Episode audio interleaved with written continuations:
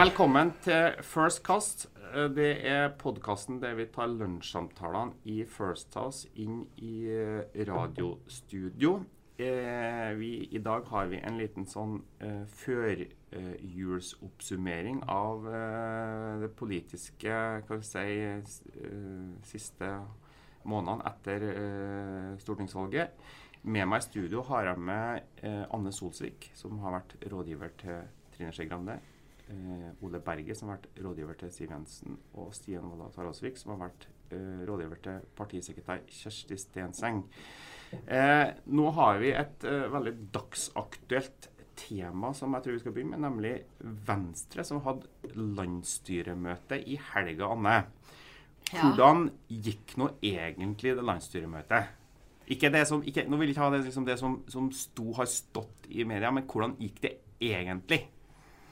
Hvordan det gikk egentlig? Nå virker det som media har fått med seg det meste eh, av hva som egentlig skjedde i, i det rommet. Men eh, det som egentlig skjedde, var jo eh, ja, det er et historisk eh, landsstyremøte som har flytta partiet enda et eh, hakk mer i en tydelig borgerlig profil. Helt åpenbart. Eh, det er nok et brudd for veldig mange med en sånn ren sentrumsprofil. Sånn at det er noen, noen generasjoner venstrepolitikere som har vært veldig ivrige, spesielt på sosiale medier i helga. Men jeg tror altså, Min opplevelse av det, ut fra den erfaringen jeg har eh, fra partiet, og sånn som jeg observerer de, så er det nå kanskje i første gang man ser at de mer liksom nye generasjonene i Venstre, eh, mer, de med en litt sånn renere liberal plattform, eh, har, har vunnet et gjennomslag opp mot eh, noe mer sånn verdibaserte eh, venstregenerasjonene som prega 90-tallet og begynnelsen av 2000-tallet. Det var jo snakk om at man liksom, den største motstanden mot å gå i regjering med Frp, den var blant de her gamle Bondevik II-statsrådene.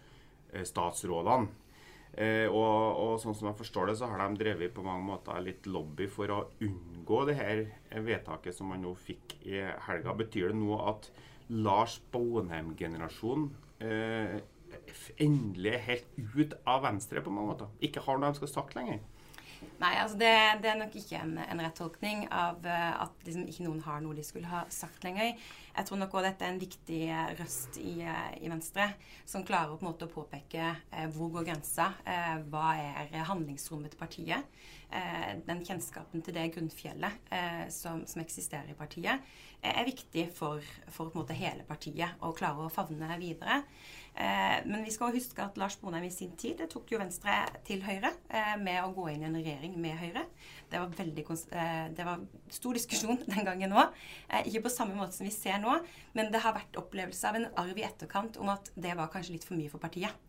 Og det er disse som syns nok dette her blir enda litt mer dramatisk enn det man, enn det man egentlig synes er akseptabelt. Men nå som Venstre da definitivt skal inn i regjeringsforhandlinger med eh, Frp og Høyre, eh, har eh, Venstre nok ultimate krav til de her to eh, regjerings, eh, mulige regjeringssamarbeidspartnerne? F.eks. snakkes det jo mye om Sylvi Listhaug. Eh, kan Venstre leve med at Sylvi Listhaug fortsetter som, eh, som innvandrings- og integreringsminister? Jeg tror at Først og fremst tror jeg dette her må ses på som uh, hvor er det man får igjen politikken. Det er det Venstre har uh, hatt som et mantra hele tiden. Uh, hvor ligger de politiske skillelinjene? Hvor ligger de politiske fellesnevnerne? Og det er kanskje det som gjør det mulig i det hele tatt ha, være åpent for forhandling akkurat nå. Det er at du har fra litt det som var innom i stad, det er det verdibaserte som har ligget veldig til grunn. Nå kanskje har blitt overtatt litt mer av hvor, hvor er det man finner fellesnevnere med faktisk Frp eh, ut fra mer et ideologisk grunnsyn eh, på enkeltmennesket, eh, på det å, å forenkle staten, avbyråkratisere, eh, forenkle ordninger, gjøre det lettere tilgjengelig det som skal være tilgjengelig. Altså, veldig mye av dette her er der man ser og har kanskje eh, jobba seg sammen over tid. Eh, de nye generasjonene som har kommet opp i partiet, har sett at her finner man løsninger. Ting er ikke så svart-hvitt som man skulle ha det til tidligere. Men så ligger dette verdibaserte der, og det blir veldig illustrert med Sylvi Listhaug. Jeg tror nok at eh, det er ikke sikkert at det viktigste er å bekjempe enkeltpersoner her, eh, som for partiet sin del. At det er det som vil bli det, blir på en måte det viktigste å, å oppnå som et stempel på at man eh, fikk gjennomført noe. Noe av det viktigste er å påvirke det som skal stå på dagsordenen til de statsrådene som uansett skal være til stede i en regjering, hvis det blir det endelige resultatet. Ole Berge, kan eh, Frp leve med at Venstre eh, stiller krav om at Sylvi Lysthaug skal bort fra eh, Eller kan Siv Jensen leve med at Sylvi Lysthaug at det blir stilt krav om at Sylvi Lysthaug eh, fjernes fra posten som innvandrings- og integreringsminister? Det kommer an på hva Sylvi Listhaug blir tilbudt i stedet. Men det korte svaret på det er nei. Og det er det som er det interessante observasjonen rundt den offentlige mediedebatten de siste månedene, eller egentlig helt siden etter valget. Eh, så er det ganske mange eksperter som framstiller dette som at Venstre skal velge om de skal inn i regjering eller ikke. Eh, men jeg tror egentlig ikke det er så enkelt eh, som at de bare kan velge at de skal inn. Fordi det er ikke noe walk in the park, disse forhandlingene som nå skal starte. Og Frp og Høyre kommer til å ha mye på dagsordenen, de også, som de ikke vil akseptere fra Venstre, eller som de vil kreve i gjenytelser. Eh, så dette blir ikke en sånn intern eh, vurdering bare av Venstre. Nå starter forhandlingene. Men Frp, særlig kanskje, har definitivt smertegrensa for hva de kan være med på eh, i en regjeringsplattform hvor Venstre skal være med. Og det er ingen tvil om at Sylvi Listhaug er en svært populær politiker internt i Frp. Som av mange blir trukket fram som en viktig årsak til at Frp gjorde et godt valg i høst. Det å eh, flytte på Sylvi Listhaug for å tekkes Venstre tror jeg blir veldig veldig vanskelig å gjøre eh, for eh, Siv og Frp. Det interessante der er jo at eh, det er kanskje de røstene som har vært de mest imot at man skulle gå i forhandling, som til støtte stadig har trukket fram Sylvi Listhaug som problemet. Og bare det at de har satt ord på det, har gjort det vanskeligere for Venstres ledelse akkurat nå i de forhandlingene de skal inn i, i det hele tatt på en måte at det spørsmålet er et relevant, eller er aktuelt. da. Eh, og det er kanskje noe av det mest sånn interessante med disse dynamikkene. Det er litt sånn hvordan tjener man sin egen sak eh, egentlig via det som på en måte både blir de internpolitiske diskusjonene i et parti, eh, og det som farer i, i media. Eh, sånn at Det er jo det som også blir interessant nå å se, både inn mot helgas landsstyremøte, hvordan enkeltpersoner markerte mye i, i media. Eh, hvordan velger de å gjøre dette nå eh, i forhandlingene, og, og, gjøre på en måte både forhandlingsrommet til eh, del, eh, forhandlingsdelegasjonen eh, til stede, og hvor er det de ender opp, ender opp, med å snevre det inn og gjøre dette enda mer krevende. Eh, sånn at, eh, og det er jo sånn som Ole sier, at eh, her setter man jo på en måte Man gir hverandre argumenter da, på motsatt side av bordet hele tiden eh, for, eh, for, eller imot eh, å oppnå de resultatene som faktisk er viktige for partiene. Ja, og så må vi huske på at Dynamikken i sånne forhandlinger er jo ikke at man starter med en personkabal og finner ut hvem som skal være statsråder heller. Man setter seg ned, sånn som man gjorde både i Nydalen og Sundvolden for, for fire år siden så satt vi jo på en måte og tok politikkområde for politikkområde og, og skrev oss til en enighet, ikke sant? Eh, og så er jo statsrådkabalen det, det siste man legger på plass. Eh, og hvis at Venstre eh, og Høyre og Frp kommer så langt i politikkforhandlingene, så kan jeg vanskelig se for meg at det er personkabal til slutt som skal stoppe en, et inntog fra Venstre i regjeringslokalene. Så det tror jeg ordner seg helt fint. Men jeg tror, jeg tror det er viktig å, å, å forstå at Eh, man ser det jo på en del andre saker som egentlig ikke har så mye med politikk å gjøre. Hvis du spør meg, når du ser det med Carl I. Hagen i Nobelkomiteen osv. Frp på en måte har en sånn oppfatning av at de alltid blir sett på som litt sånn annenrangs politikere av de andre etablerte partiene. Eh, og da er det sånne symbolsaker som gjør at Frp setter foten ned. Nei, vi skal ikke flytte uh, Sylvi Listhaug. Nei, vi syns urettferdig at Carl I. Hagen blir behandla annerledes enn Torbjørn Jagland. Dette er underdog-stempelet som Frp har hatt i alle de år, og det er også viktig å ha med seg inn i den konteksten vi, vi diskuterer nå. Stian, mm. uh, du eh, har jo eh, sittet og sett litt på denne regjeringa her det siste eh, året, og, og, eller den regjeringa som er. Og så ser du nå at Venstre skal inn. Hva tror du, eh, hvordan tror du partiledelsen av Arbeiderpartiet nå tenker rundt Venstres deltakelse i regjering? Jeg tenker at det kanskje var, var venta og ønska fra Arbeiderpartiets ledelse. Ønska? Hvorfor det? Ønska fordi dette gjør at Venstre nå må ta ansvar for den politikken de er med å støtte opp om. Eh, jeg tror at eh, Arbeiderpartiet har sett på dette som et problem. At Venstre er med og støtter en regjering som de ikke er en del av. Og slipper å ta konsekvensene av det, på godt og vondt. Eh, det er jo også noe som venstreledelsen selv har pekt ut som, som et problem. At de ikke har fått flagga de gjennomslagene som de har fått. Ehm, og så tror jeg jo det at eh, Arbeiderpartiet var åpen eh, i sin invitasjon til Venstre. Eh, kanskje for å få Venstre selv til å lukke døra til Arbeiderpartiet. Det har vært en utfordring med flere korsveier før. At Venstre har vært indignert overfor Arbeiderpartiet, som ikke har lyst til å samarbeide. Det problemet slapp man unna denne, ved denne korsveien ved å få Venstre selv til å lukke døra. Og nå har vi jo gjort det en gang for alle. Jeg tror det fins Arbeiderpartifolk der ute i landet nå som sier at endelig. Endelig, nå har de låst seg fast. Nå er de et borgerlig parti. Nå kan vi si det med eh, troverdighet og med eh, fakta i bordet at eh, Venstre hører til sammen med Høyre og Frp. Eh, de som vil ha en annen regjering, må stemme noe annet enn Venstre. Det eh, er jo eh, Jeg tror jeg har rett i. Men nå er det jo sånn at Arbeiderpartiet, Arbeiderpartiet nå så virker det jo som at det er noe som skjer hver dag, fra uke til uke. Man bytter litt sånn på hva man eh, syns og mener og føler kanskje sånn annenhver dag. Kan i hvert fall synes utad for den som ikke sitter enten på Youngstorget eller i stortingsgruppa. Eh, er det riktig? Altså, eh, Nå så jeg f.eks. her i, før helga var vel at Raymond Johansen var ute og ville at Arbeiderpartiet skulle samarbeide med Rødt og MDG. Hva var det for noe?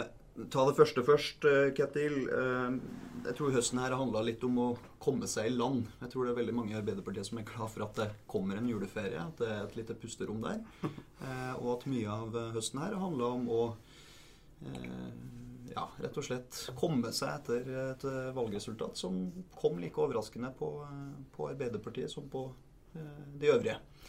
Når det gjelder Raymond Johansen, så kan man jo velge å lese det på eh, to ulike vis. Eh, som byrådsleder i Oslo så er han opptatt av å vise at det går an å samarbeide eh, både til hva skal jeg si, til grønn side og til, til venstre. Men det er klart det at noen vil nå tolke dette som et innspill i en framtidig lederdebatt i Arbeiderpartiet. Mener du at, Ser du at Raymond Johansen kan tenke seg å være leder i Arbeiderpartiet? Er det egentlig det du sier? Sitter Jonas utrygt? Jonas sitter nok ikke utrygt. Jeg tror Jonas sitter trygt eh, inntil videre. Det er ingen organer ingen uh, som har tatt til orde for at Jonas skal kastes. Jeg tror det var tydelig allerede på valgkvelden, når både LO-ledelsen og, Fellesforbundet var trygge og tydelige på at Jonas blir sittende. Så, så sitter han trygt. Men det er jo et lite men her. Altså 2019 blir helt avgjørende for Jonas Gahr Støre. Klart han hadde et mandat. Gå inn i eh, lederrollen og, og vinne stortingsvalget. Vinne tilbake regjeringsmakt. Det greide han ikke. Eh, nå blir det spennende å se på 2019, eh, som kommer til å avgjøre tror jeg Jonas Gahr Støre sin skjebne som politisk overhode i Arbeiderpartiet. Så du ser at det går rett åt skogen, som de ville sagt i Hedmark, så, så, jeg, så, så er Jonas ferdig som partileder, tror du? Da er det jo litt sånn hva vi definerer som skogen. Eh, og det er jo interessant at du nevner Hedmark. Det blir jo en eh, stor oppgave for Arbeiderpartiet å nettopp gjøre det eh, godt i de fylkene som, eh, som svikta eh, partiet i, i, stortingsvalgkampen. Altså kjernevelgerne i Hedmark, i Oppland, i Nord-Norge ikke minst. Eh, men først og fremst i 2019 så tror jeg det vil handle om de store byene. Klarer vi å gjenvinne Oslo for en andre gang på rad? Eh, gjenvinne Bergen, Trondheim, Tromsø, Bodø. Det kommer til å avgjøre. Eh, og så, så, tror jeg nok det at eh, tida nå er inne for å posisjonere seg for de som ønsker å være med i den framtidige lederdebatten som vil komme. Altså Jonas Gahr Støre kan ikke sitte som partileder til evig tid. Og det er naturlig at de som søker makt, posisjonerer seg. Og det er jo verdt å trekke fram Tidligere partileder Jens Stoltenberg sine ord om det. Skeptisk til alle politikere som ikke søker makt. Og klart, I et stort parti som Arbeiderpartiet så vil det alltid være naturlig at, eh, at man søker makt for å få mer gjennomslag for sine egne holdninger. Eh, Ole Berge, vi ser nå eh, at de her siste ukene og månedene så har eh, det vært en del forslag, en del saker der regjeringa har blitt overstyrt av et flertall, altså et nytt flertall i, i Stortinget. Eh, en rekke saker som på en måte viser det, med anmodningsvedtak osv. Er det en ny trend vi nå ser, tror du? Eh, og hvordan kommer denne regjeringa til å forholde seg til den? Med eller uten Venstre? For nå er jo ikke Venstre på vippen lenger heller, så nå er det jo de andre partiene som, eh, som styrer dette her. Eh, hvordan vil eh, Siv Erna forholde seg til det? Nei, man, har, man har, jo et uh, nytt parlamentarisk grunnlag. Uh, altså I forrige periode så var det et avklart uh, flertall på Stortinget. Høyre og Frp i regjering med en samarbeidsavtale med KrF og Venstre. så det var jo en mye mer stabil situasjon enn hva vi har sett i høst. Og så tror jeg jo at det er en av hovedårsakene til at Erna og Siv eh, ønsker at Venstre kommer inn i, i regjering også, for da får du et bredere parlamentarisk grunnlag bak regjeringa igjen. Selv om det fortsatt er avhengig av ett parti til i, i, Stortinget.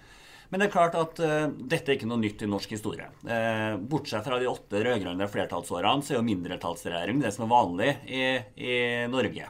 Og da sitter jo den regjeringa til man eventuelt uh, blir kasta eller velger å gå av på en sak som er så viktig for den regjeringa at man ikke kan eh, bli sittende og styre på et vedtak som Stortinget har fatta, som regjeringspartiene er uenig i.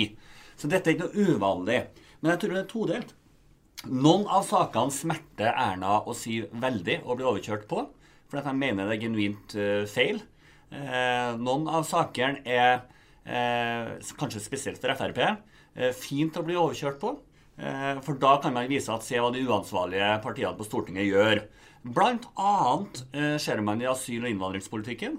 Eh, det var jo Jonas Gahr Støre og Arbeiderpartiet som fikk deler av skylda i opinionen for at det kom veldig mange over Storskog, etter at Jonas sa at han ville ha minst ha 10 000 på landsmøtet sitt. Og Arbeiderpartiet satt jo ikke i regjering.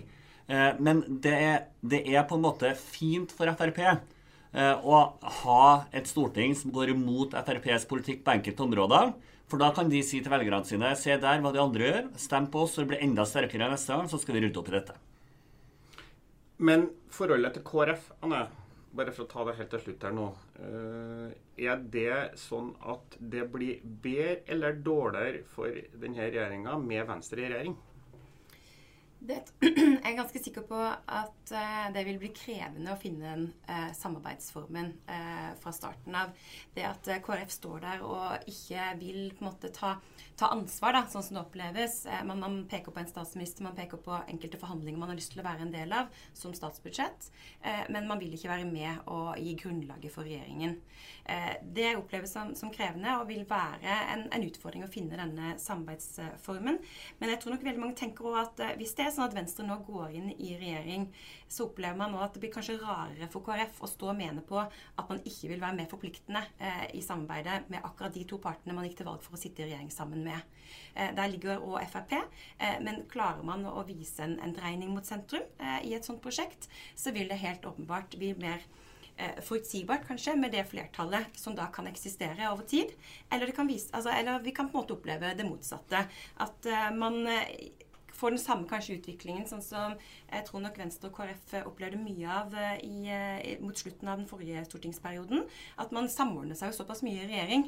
Eh, man jobber seg sammen, finner løsninger og går på en måte ut i en felles front og, forsvarer hverandre. Det er en logikk som oppstår når man sitter der og har, har krangla, men funnet løsninger, og man skal ut mot resten av verden. Eh, hvordan det blir for KrF, eh, er jo igjen da eh, Blir det interessant da å, å, bli med, eller på en måte blir man dytta enda litt mer opp i fanget til Arbeiderpartiet? Blir KrF en del av eh, regjering med Venstre, Høyre, og Frp i løpet av stortingsperioden? Så jeg har nok eh, ment at uh, ja, det kommer de nok til å, å bli. I hvert fall Bra, det. Det trenger vi ikke å si mer det var et klart og tydelig svar. Ole, blir bli, bli KrF en del av regjeringa i løpet av stortingsperioden? Nei, jeg tror ikke det. Eh, det kan skje, men jeg tror ikke det. Men det som er et faktum, det er at det i hvert fall er mye vanskeligere for KrF å kaste en regjering hvor Venstre er med, kontra en regjering hvor Venstre ikke er med. Stian, hva tror du? Jeg tror at det handler litt om uh, hvem som får, får, lov til å avgjøre det i, i, KrF. Jeg tror stortingsgruppa til KrF er innstilt på det. Uh, litt mer usikker på tillitsmannsapparatet, selv om veldig mange av velgerne ønsker et KrF inn i regjering. Da eh, tror jeg vi avslutter med det, og så ønsker vi alle våre lyttere en, eh, en, god jul og et godt eh, nytt politisk år, kanskje vi skal si det sånn. Eh, for et år eller blir det. Starter jo med forhandlinger på nyåret, og nei, dette blir spennende.